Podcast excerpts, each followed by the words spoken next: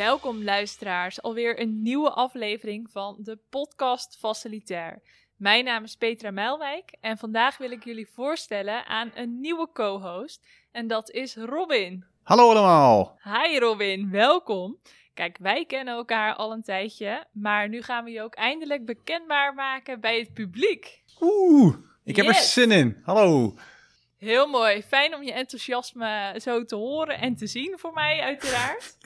Ehm, nou, om jou en wellicht ook mij een beetje eh, beter bekend te maken bij de luisteraars, ga ik deze aflevering wat nieuwsgierige vragen aan jou stellen. Maar eerst geef ik jou de vrijheid om je even zelf voor te stellen. Nou, ik ben er helemaal klaar voor. Hallo allemaal, ik ben Robin Somberg. Ik ben 39 jaar. Ik woon al een jaar of 15 in Utrecht samen met mijn vrouw en mijn twee katten. In een mooie eh, jaren 30 bovenwoning. Ik eh, ben ontzettend blij met Utrecht. En mochten jullie dat aan mijn accent al gehoord hebben, ik ben oorspronkelijk uit Oost-Nederland, uit Almelo. Dus zo heel nu en dan, als ik enthousiast ben of wat moe ben, dan wil ik nog wel eens letter, lettergrepen inslikken en wat eh, knauwerig overkomen. ik heb ehm, eh, commerciële economie gestudeerd heel lang geleden in Deventer. En daar ben ik in 2001 afgestudeerd en eigenlijk direct begonnen met werken. En ik ben nu aangekomen bij Eager People. En bij Eager People werk ik als accountmanager. Ik heb eigenlijk dagelijks contact met onze klanten, eh, met prospects. Ik zorg ervoor dat de mensen ons niet vergeten dat we eigenlijk alle mogelijkheden die we kunnen benutten eh, spotten en dat we daarop in kunnen springen. Dus eigenlijk ben ik de klantknuffelaar van Eager People. Wauw, heb je die naam zelf bedacht? Nee, die is mij gegeven. Ah, oké. maar het, het is wel iets waar ik zelf heel erg gelukkig van word. Is het goed leren kennen van mensen en kijken waar de behoeftes liggen van bijvoorbeeld pijnpunten of van oplossingen. En dat we daar eigenlijk al in, in eh, overleg en eh, met onze kennis en kunde goed op in kunnen springen. Dus eigenlijk hetgeen wat ik het leuk vind om te doen is veel met mensen praten en mensen leren kennen. Dat mag ik nu doen als werk. Heel mooi. En die mensen, daar bedoel je vooral eh, leveranciers en klanten mee? In dit geval zijn het eh, bijvoorbeeld eh, zorginstellingen, eh, scholen, universiteiten, musea, verschillende instellingen. Eigenlijk alle bedrijven die hulp kunnen gebruiken op facilitair vlak. Dus of op kortstondige oplossingen, bijvoorbeeld één dag voor een aantal uur iemand in kunnen huren. Maar ook voor de lange termijn, voor bijvoorbeeld het leveren van interim managers, projectmanagers en facilitair managers. Dus eigenlijk waar we mensen kunnen helpen op facilitair vlak, dat doen we heel graag. Daar zijn we klaar voor. Mooi, dus als iemand Eager People belt, dan krijgen ze waarschijnlijk jou aan de telefoon. Die kans is bijzonder groot. Nou Absoluut. jongens, bellen maar. hey en Robin, wat heb je hiervoor gedaan, voordat je bij Eager People kwam? Oeh, dat is altijd een hele leuke vraag om te beantwoorden, want ik kom namelijk niet uit het facilitair werk- werkveld. Oeh. Ja, ik kom wel uit een hele leuke achtergrond. Ik heb eh 14 jaar gewerkt, ook als accountmanager, in de spellen- en de speelgoedbranche. Dus ik heb bordspellen, kaartspellen, Pokémon kaartjes, Panini plaatjes, Monopoly, eigenlijk alles op gebied van offline gaming. Ja. Ja, eh, heb ik verkocht. En dat was vanuit eh, uitgeversvlak, vanuit de groothandel en vanuit distribu- distributie. Eh, ik heb de laatste zes jaar voornamelijk het internationale contact gedaan. Dus eigenlijk alle winkels buiten Nederland en België om, die heb ik wel eh, aan de lijn gehad, bezocht of op beurzen gesproken. Zo hé, dat Ja. is wel inderdaad wel iets heel anders. Heel erg leuk. leuk. Dus eh, ja, ik vind het nog steeds leuk om over bordspellen en kaartspellen te kletsen. Dus mocht je een keer een tip zoeken, dan hoor ik je graag. Oké. Ik heb ook nog andere hobby's. Ook een hobby die ook niet zo heel vaak voorkomt. Ik maak graag diorama's. Wat zijn dat? Juist, die vraag krijg ik ook altijd. altijd. Ehm, Ja. Als je bijvoorbeeld in een musea rondloopt en je hebt een, een replica, replica van een, eh, een kasteel of een vesting of eh, een stadsbeeld, en dat kan in welke schaal dan ook staan, die Mhm. moet natuurlijk ook gemaakt worden. En dat zijn dingen die ik doe. Dus ik heb Een soort miniatuurbouw. het is een miniatuurbouw. Ja, dat is mij eh, vanaf mijn achtste met de paplepel ingegeven, want mijn vader heeft een modelbouwwinkel. Ah. En die ga ik corrigeren. Hij had een modelbouwwinkel, want hij is net met pensioen. Dus, Oh, ah, ja. Nee, dat is ook mijn allereerste baantje geweest. Mijn eerste vakantiebaantje, weekendbaantjes, eh baliewerk in een modelbouwwinkel. Ja, dan zie je natuurlijk de hele dag al die fans binnenkomen die alle soorten poppetjes, tanks, vliegtuigen, treinbanen, alles willen kopen. Ja, op een gegeven moment, als je daar een klik mee hebt, dan ga je daarin door en dan groei je en dan word je steeds beter. Dat hoop je tenminste. Ja. En je eigen voorkeur voor bijvoorbeeld een tijdsperiode of een thema. En ik heb eh, het geluk dat ik een aantal klanten heb in musea en particulieren die eens in zoveel tijd een opdracht doorgeven. Ja, dat is ontzettend leuk om te kunnen doen. Ja, dat begrijp ik. Dus je zit eigenlijk, eh, creëer jij kleine wereldjes. Ja. Precies dat. Oké, en eh, nu wil ik het ook graag hebben over de podcast. Want ja, wij kennen elkaar nu een tijdje via Ike People en via de podcast Facilitair. Hoe vind je het tot nu toe? Het was voor mij, en dan ga ik meteen heel eerlijk zeggen, ontzettend nieuw. En wat mij heel erg bevalt aan podcast doen is, je kunt heel veel met mensen praten. Je gaat ze leren kennen. Je gaat het hebben over een bepaald onderwerp waar je misschien zelf vanuit je eigen ervaring nog niet alles over weet. Dus je bent eigenlijk met een professional in gesprek, maar op een hele persoonlijke manier. Ja, En dat is eigenlijk ook een van de doelen die ik heb voor de, voor de podcast. Is op een leuke en een toegankelijke manier inzage geven of een licht schijnen op wat, een, wat iemand anders eh, meemaakt of doet voor werk. Of hoe hij en zij eh, nou ja, zijn, zijn taken uitvoert. ja. We horen ook graag van jullie feedback, hè, luisteraars. Als jullie nog eh, aanvullingen hebben of opmerkingen. Of misschien juist wel interessante sprekers. Of hè, misschien weet je het zelf wel. Zeker, absoluut. We leren graag van de mening en de ervaring van anderen bij. Zeker voor mij, voor iemand die niet eh, geverfd is door jarenlange ervaring in het eh, facilitair vlak. En ehm, ik vind het altijd leuk om ook te weten waar andere mensen ervaringen hebben of bepaalde tips hebben. Dus heb je tips? Heb je misschien interessante mensen die we zeker een keer moeten gaan interviewen? Of heb je voor ons tips of verbeteringen? Laat het ons weten. We zijn er. Jullie weten ons te vinden. Yes. Een nieuwe groep eh, sprekers hebben we al te pakken. We hebben al een aantal gesprekken ingepland. We hebben er ontzettend veel zin in. Absoluut. En nogmaals, we horen ook graag van jullie. Alvast heel veel luisterplezier. En we gaan elkaar spreken. Dank jullie wel. Yes, dankjewel.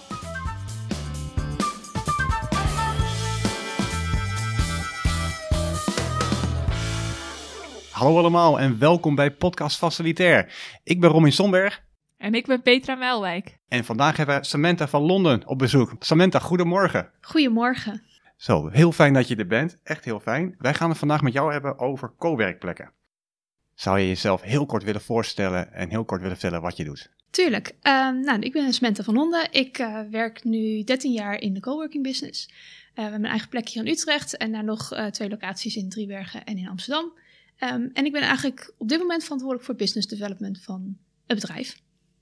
Nou, heel fijn dat je er bent. Wij gaan het vandaag eh, met drie onderwerpen met jou willen bespreken. Het heeft natuurlijk allemaal te maken met eh co-werkplekken. Eh, de eerste is heel kort, wat zijn co-werkplekken? Wat heb je daarvoor nodig? En ehm, hoe heeft corona effect op jouw business? Laten, we, laten we beginnen met de eerste. Samantha, kan je ons vertellen wat zijn eh co-werkplekken? Eh, ja, tuurlijk. Dus voor ons als eh, operator, om het zo maar te noemen, gaat coworkplekken heel erg over ehm, werkplekken maken en creëren voor het soort werk wat je nodig hebt. Dus in onze locaties vind je, nou ja, zoals wij het noemen, een werkcafé, waar je dicht bij de bar zit, waar er een beetje geroezemoes is. Eigenlijk alsof je in het café zit, maar dan iets minder druk. Je hebt plekken waar je rustig kan werken, je hebt vergaderruimtes, trainingsruimtes. Eigenlijk alles wat je gedurende een dag of een week nodig zou kunnen hebben eh, om je werk te doen, dat vind je op één locatie. Dus als je veel afspraken hebt in de ochtend met klanten, dan is het fijn om een, eh, om een vergaderruimte te huren. Um, of als je tussendoor nog even een uurtje, eigenlijk een soort nutteloos uurtje hebt tussen uh, twee afspraken door, dat je nog even op de flexplek kan zitten en daar wat kan werken, wat mails kan uitwerken. Um, nou ja, echt dat je je werkplek kan kiezen bij het werk wat je op dat moment doen. En waar en wanneer kan je zoiets toepassen? Want het lijkt me niet dat je in elk gebouw dat kan toepassen. Oh, jawel hoor. Ja, dus het kan wel, zeker weten. Uh, soms vraagt het wat meer creativiteit of anders kijken naar ruimte. Um, het vraagt sowieso afdenken, tenminste niet meer denken naar wat klassieke kantoorruimte eigenlijk is. Dus je hebt een, een pand waar je kantoorruimte wil huren of verhuren als uh, eigenaar. Mm-hmm. En dat je iedereen denkt dat er een soort hokjes uh, methodiek is, zeg maar. Zoveel vierkante meter, daar kan je zoveel personen op kwijt, maar dan moet er ook nog een keuken en een toilet in. En nou, dat soort dingen. Het gaat veel meer over wat kan je gezamenlijk gebruiken. Nou, dat zijn bij ons de keukens, uh, de toiletten, maar ook de vergaderruimtes. Want het komt zelden voor dat je vijf dagen in de week de vergaderruimte van 9 tot 9 nodig hebt. Ik hoop het in ieder geval niet voor je. Nou, liever niet. Nee. um, dus hoe kan je dat zo maken dat het... Um, nou, dat het interessant wordt om dat te delen met elkaar. En waardoor je dus ook uiteindelijk de kosten en dergelijke lager houdt voor degene die het huren. Oké. Okay. Ja. Heb je een bepaald voorbeeld van hoe jullie coworkplekken zich onderscheiden? Van bijvoorbeeld andere flexplekken of coworkplekken? Ja, dus voor ons uh, als grid zijn de, uh, ja, wij zijn eigenlijk bekend in, om ons huiselijk gevoel, Mhm. wat, je, wat je hebt zodra je binnenkomt. Dus uh, wij noemen ons altijd de boutique coworking plek. Dus wat je bij een, een luxe Airbnb of een boutique hotel hebt, dat wat kleinschaliger, een persoonlijke, ehm, dat zijn we eigenlijk voor een werkplek. Dus Ah, ehm, we hebben ook eigenlijk één team wat er staat. Dat bestaat uit één of twee mensen. En die, uh, die kennen dus ook iedereen die binnenkomt. Als je voor de tweede keer komt als gast, zullen ze je over het algemeen ook herkennen. Dan weten ze vaak ook al voor wie je, voor wie je komt. Nou, dat maakt het zeg maar extra, um, nou ja, wat voor ons extra leuk is om, uh, Ja. om te komen. Ja. Dus de bezoeker heeft eigenlijk een soort warm bad waar hij of zij terecht komt. En wat is dan, heel kort daarop inspelen, nog de, over het algemeen de feedback die jullie krijgen van jullie, of bezoekers of van jullie klanten? Hebben, gebruiken mensen veelal dezelfde omschrijving om jullie werkplekken te omschrijven? Of is dat heel divers? Uh, nou, het, kan heel divers zijn, uh, maar wat we, nou, zeg maar de keywoorden die je wel intussen hoort is, ja, je voelt je echt thuis. Het, hele pand is van jou, dat, zo voelt het echt. En ook wel verrassend, dus dat er uh, gasten zijn die voor de tweede keer komen en dat ons teams herkent. En die zegt, hoe, hoe herken jij mij? Ja, jij kwam toch vorige week ook voor die en die? Ja, maar heb je dat onthouden dan? Ja, tuurlijk heb ik dat onthouden. zeg maar, dus een soort ja. bijna verbazing van, het, het kan dus zo persoonlijk. Ja. ja. Fijn. Zo zou een werk, eigenlijk elke werkplek moeten zijn. Ja, als je het aan ons vraagt wel, ja. ja. Wat heb je nodig om deze coworkplekken te creëren? Buiten een gebouw natuurlijk. Ja, nou, dat is wel essentieel, ja, een gebouw. um, maar het vraagt dus ook creativiteit naar te kijken naar, um, nou ja, en naar het hele gebouw, maar ook naar het soort gebruik. Dus um, onze werkplekken, caféwerkplekken, zijn over het algemeen namelijk op de begane grond. Want daar is je, is je deur, dus je komt daar, heb je het meeste in- en uitloop. Mm -hmm. um, dus dat zou heel onlogisch zijn om dat op een derde of vierde verdieping te plannen. Waar eigenlijk je, zeg maar, natuurlijke al veel meer rust hebt, omdat je vaak niet naar de vierde verdieping loopt om daar in een café bijvoorbeeld te gaan zitten. Ja. Het ligt niet op de route. Nee, over het algemeen ligt dat op de route. Als je binnenkomt, je hangt je jas op en dan ga je een kopje koffie halen. Zeg maar, dat is, dus je kijkt heel erg naar het natuurlijk gedrag van mensen. -hmm. Vervolgens naar zeg maar, de verdiepingen in het pand. En, en hoe, wat is zeg maar, de beleving die daar zit en wat is het logische gebruik daarin. Um, dus uh, we zijn bezig geweest in een locatie die vrij hoog was, waar je ver uit kon kijken. Ja, dan is de bovenverdieping natuurlijk ideaal geschikt om een vergaderruimte te hebben waar je mooi bijvoorbeeld over de weilanden bijvoorbeeld kan uitkijken. Nou, dus het vraagt wat anders kijken dan gewoon dit is het aantal vierkante meters en dit kan ik er, zoveel werkplekken kan ik erop kwijt of iets dergelijks. Het kijkt heel erg naar wat zou hier natuurlijk zijn om te doen. En niet elk gebouw is daar even makkelijk voor. Maar het is wel, dat vind ik wel het leuke speelvet om daar te kijken van. En qua personeel, uh, hoe kijk je dan? Ik bedoel voor uh, de catering en dergelijke en gastvrouwen? Um, ja, dus we werken met een vrij klein team. Uh, het team bestaat ongeveer uit anderhalf fulltimer per locatie. Mm -hmm. uh, dat betekent dat eigenlijk er eentje in de lead is. Um, die werkt in principe ook gewoon vier dagen in de week. En zij, of hij, hangt er vanaf zeg maar. Ze runt eigenlijk de locatie zoals het, alsof het haar eigen toko is. Die vrijheid geven we ook, maar dat vinden we dus ook belangrijk. Omdat het persoonlijke stuk bij ons zo essentieel is in ons, in ons brand en eigenlijk ons DNA. Um, vinden we het ook heel logisch dat die persoonlijkheid van die persoon, die echt die locatie runt, ook daar helemaal mag zijn. En dat uit zich in, uh, in Utrecht hebben we bijvoorbeeld uh, Lenneke, die barista is uh, van oorspronkelijke achtergrond. Nou, zij is dan helemaal bezig geweest met de koffie en, en dat helemaal fijn stellen. En dat is ook de feedback die ze dan direct terugkrijgt van, van de uh, bewoners. Oh, we merken dan echt dat het hier anders is dan op de andere locaties. Dus je krijgt daarmee echt een personal touch. Gaaf. Um, ja. Dat is echt mooi, maar daarmee onderscheidt elke aparte vestiging of vestigingsmanager heeft zijn of haar eigen stempel. Dat is Ja. echt heel mooi. Ja, en dat, ik vind dat heel leuk om te merken ook. Cool. Ja. Gaaf. En, en je gaf aan, niet elk, in, in het vorige eh, onderwerp, je, niet elke locatie is natuurlijk geschikt voor een standaard opmaak. Eh, elke locatie heeft misschien een, een ander uitzicht. Heb je daar een mooi voorbeeld voor, van? Bijvoorbeeld hoe de ene locatie volledig anders wordt ingericht dan de ander. Bijvoorbeeld vanwege het landschap of het aantal mensen dat daar zit? Ja, en als je kijkt naar bijvoorbeeld de locatie in Utrecht en in Driebergen, ligt in, in die zin relatief dicht bij elkaar. Utrecht ligt op de Maliebaan, dus echt in de stad. Um, is een pand wat, nou ja, dat nog steeds een vrij groot pand is, maar relatief gezien meer in de hoogte. Terwijl het pand in Driebergen veel meer uitgestrekt is. Mhm. Um, dus je merkt dat de flexibele werkplekken en het werkcafé uh, en de vergaderruimtes in Driebergen veel meer op de begane grond zijn. Omdat dat veel meer de in- en uitloop is die je natuurlijk gaat hebben. Ja. Eh, terwijl in Utrecht uh, het werkcafé wel op de begaande grond is, maar de vergaderruimtes bijvoorbeeld op de eerste en op de tweede zijn. Om zo een beetje de spreiding in de pand uh, tegen te gaan. En ook te zorgen dat bijvoorbeeld de, nou ja, de ruimtes op de tweede en de derde niet super stil zijn, maar dat je eigenlijk door het hele pand die energie voelt van, ah, je zijn mensen aan het werk en er gebeurt hier iets stofs. Ja, oh, gaaf. En, en hebben jullie dan ook bijvoorbeeld de inrichting, verschilt dat ook weer uh, qua pand? Bijvoorbeeld de keuze voor meubilair of planten of stoelen? Um, ja, ook omdat er tussen Utrecht en Driebergen zit ruim tien jaar in opening. Mm -hmm. Dus sowieso is de hele trend natuurlijk anders. Um, en in Driebergen bijvoorbeeld veel meer kleurgebruik dan dat we in, uh, in Utrecht hebben. Daar ja. wordt veel neutraler gehouden. Zeker als je kijkt naar de wanden en het, de vloerbedekking en dergelijke. Maar het is wel allemaal meubilair wat vrij lang meegaat.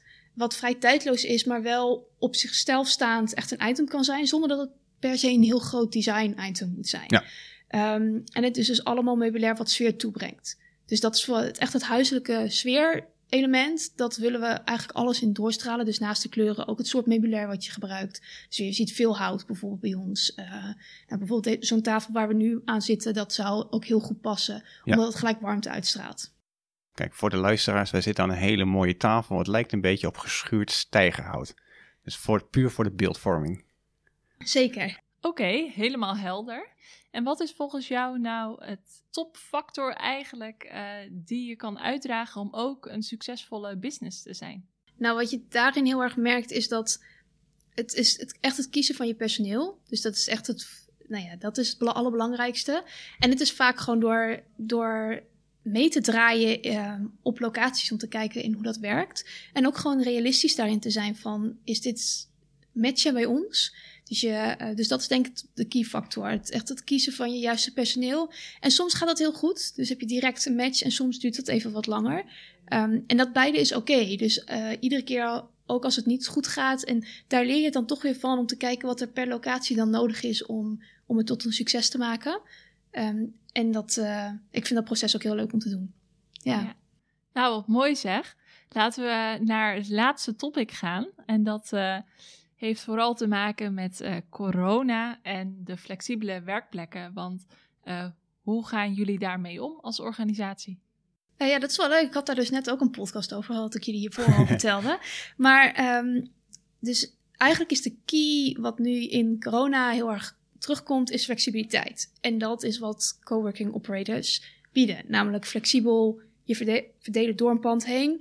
Maar ook um, zeg maar, een plek dicht bij huis kunnen kiezen. Of omdat je toevallig toch bij een klant moet zijn, een plek kiezen die daar dichtbij is, zonder dat je veel reistijd of iets dergelijks hebt. Dus ik denk dat dat is een positieve kant. Ja, het heeft onze business natuurlijk erg, ja, zeg maar, slecht gedaan in die zin. Als je kijkt naar de lockdowns, waarin uh, eigenlijk alles afgezegd werd. Uh, dus het zijn wel ook wel pittige tijden, maar het vraagt ook om creativiteit. Dus ik, en ik vind dat wel, dat spanningsveld maakt het wel leuk om nu te kijken wat er, wat is er dan nodig voor de volgende stap creativiteit, daar hou ik van. Kun je daar, heb je daar een voorbeeld van? Van wat een, idee of een bepaalde manier van werk of aanpak die jullie bedacht hebben om te onderscheiden tijdens corona?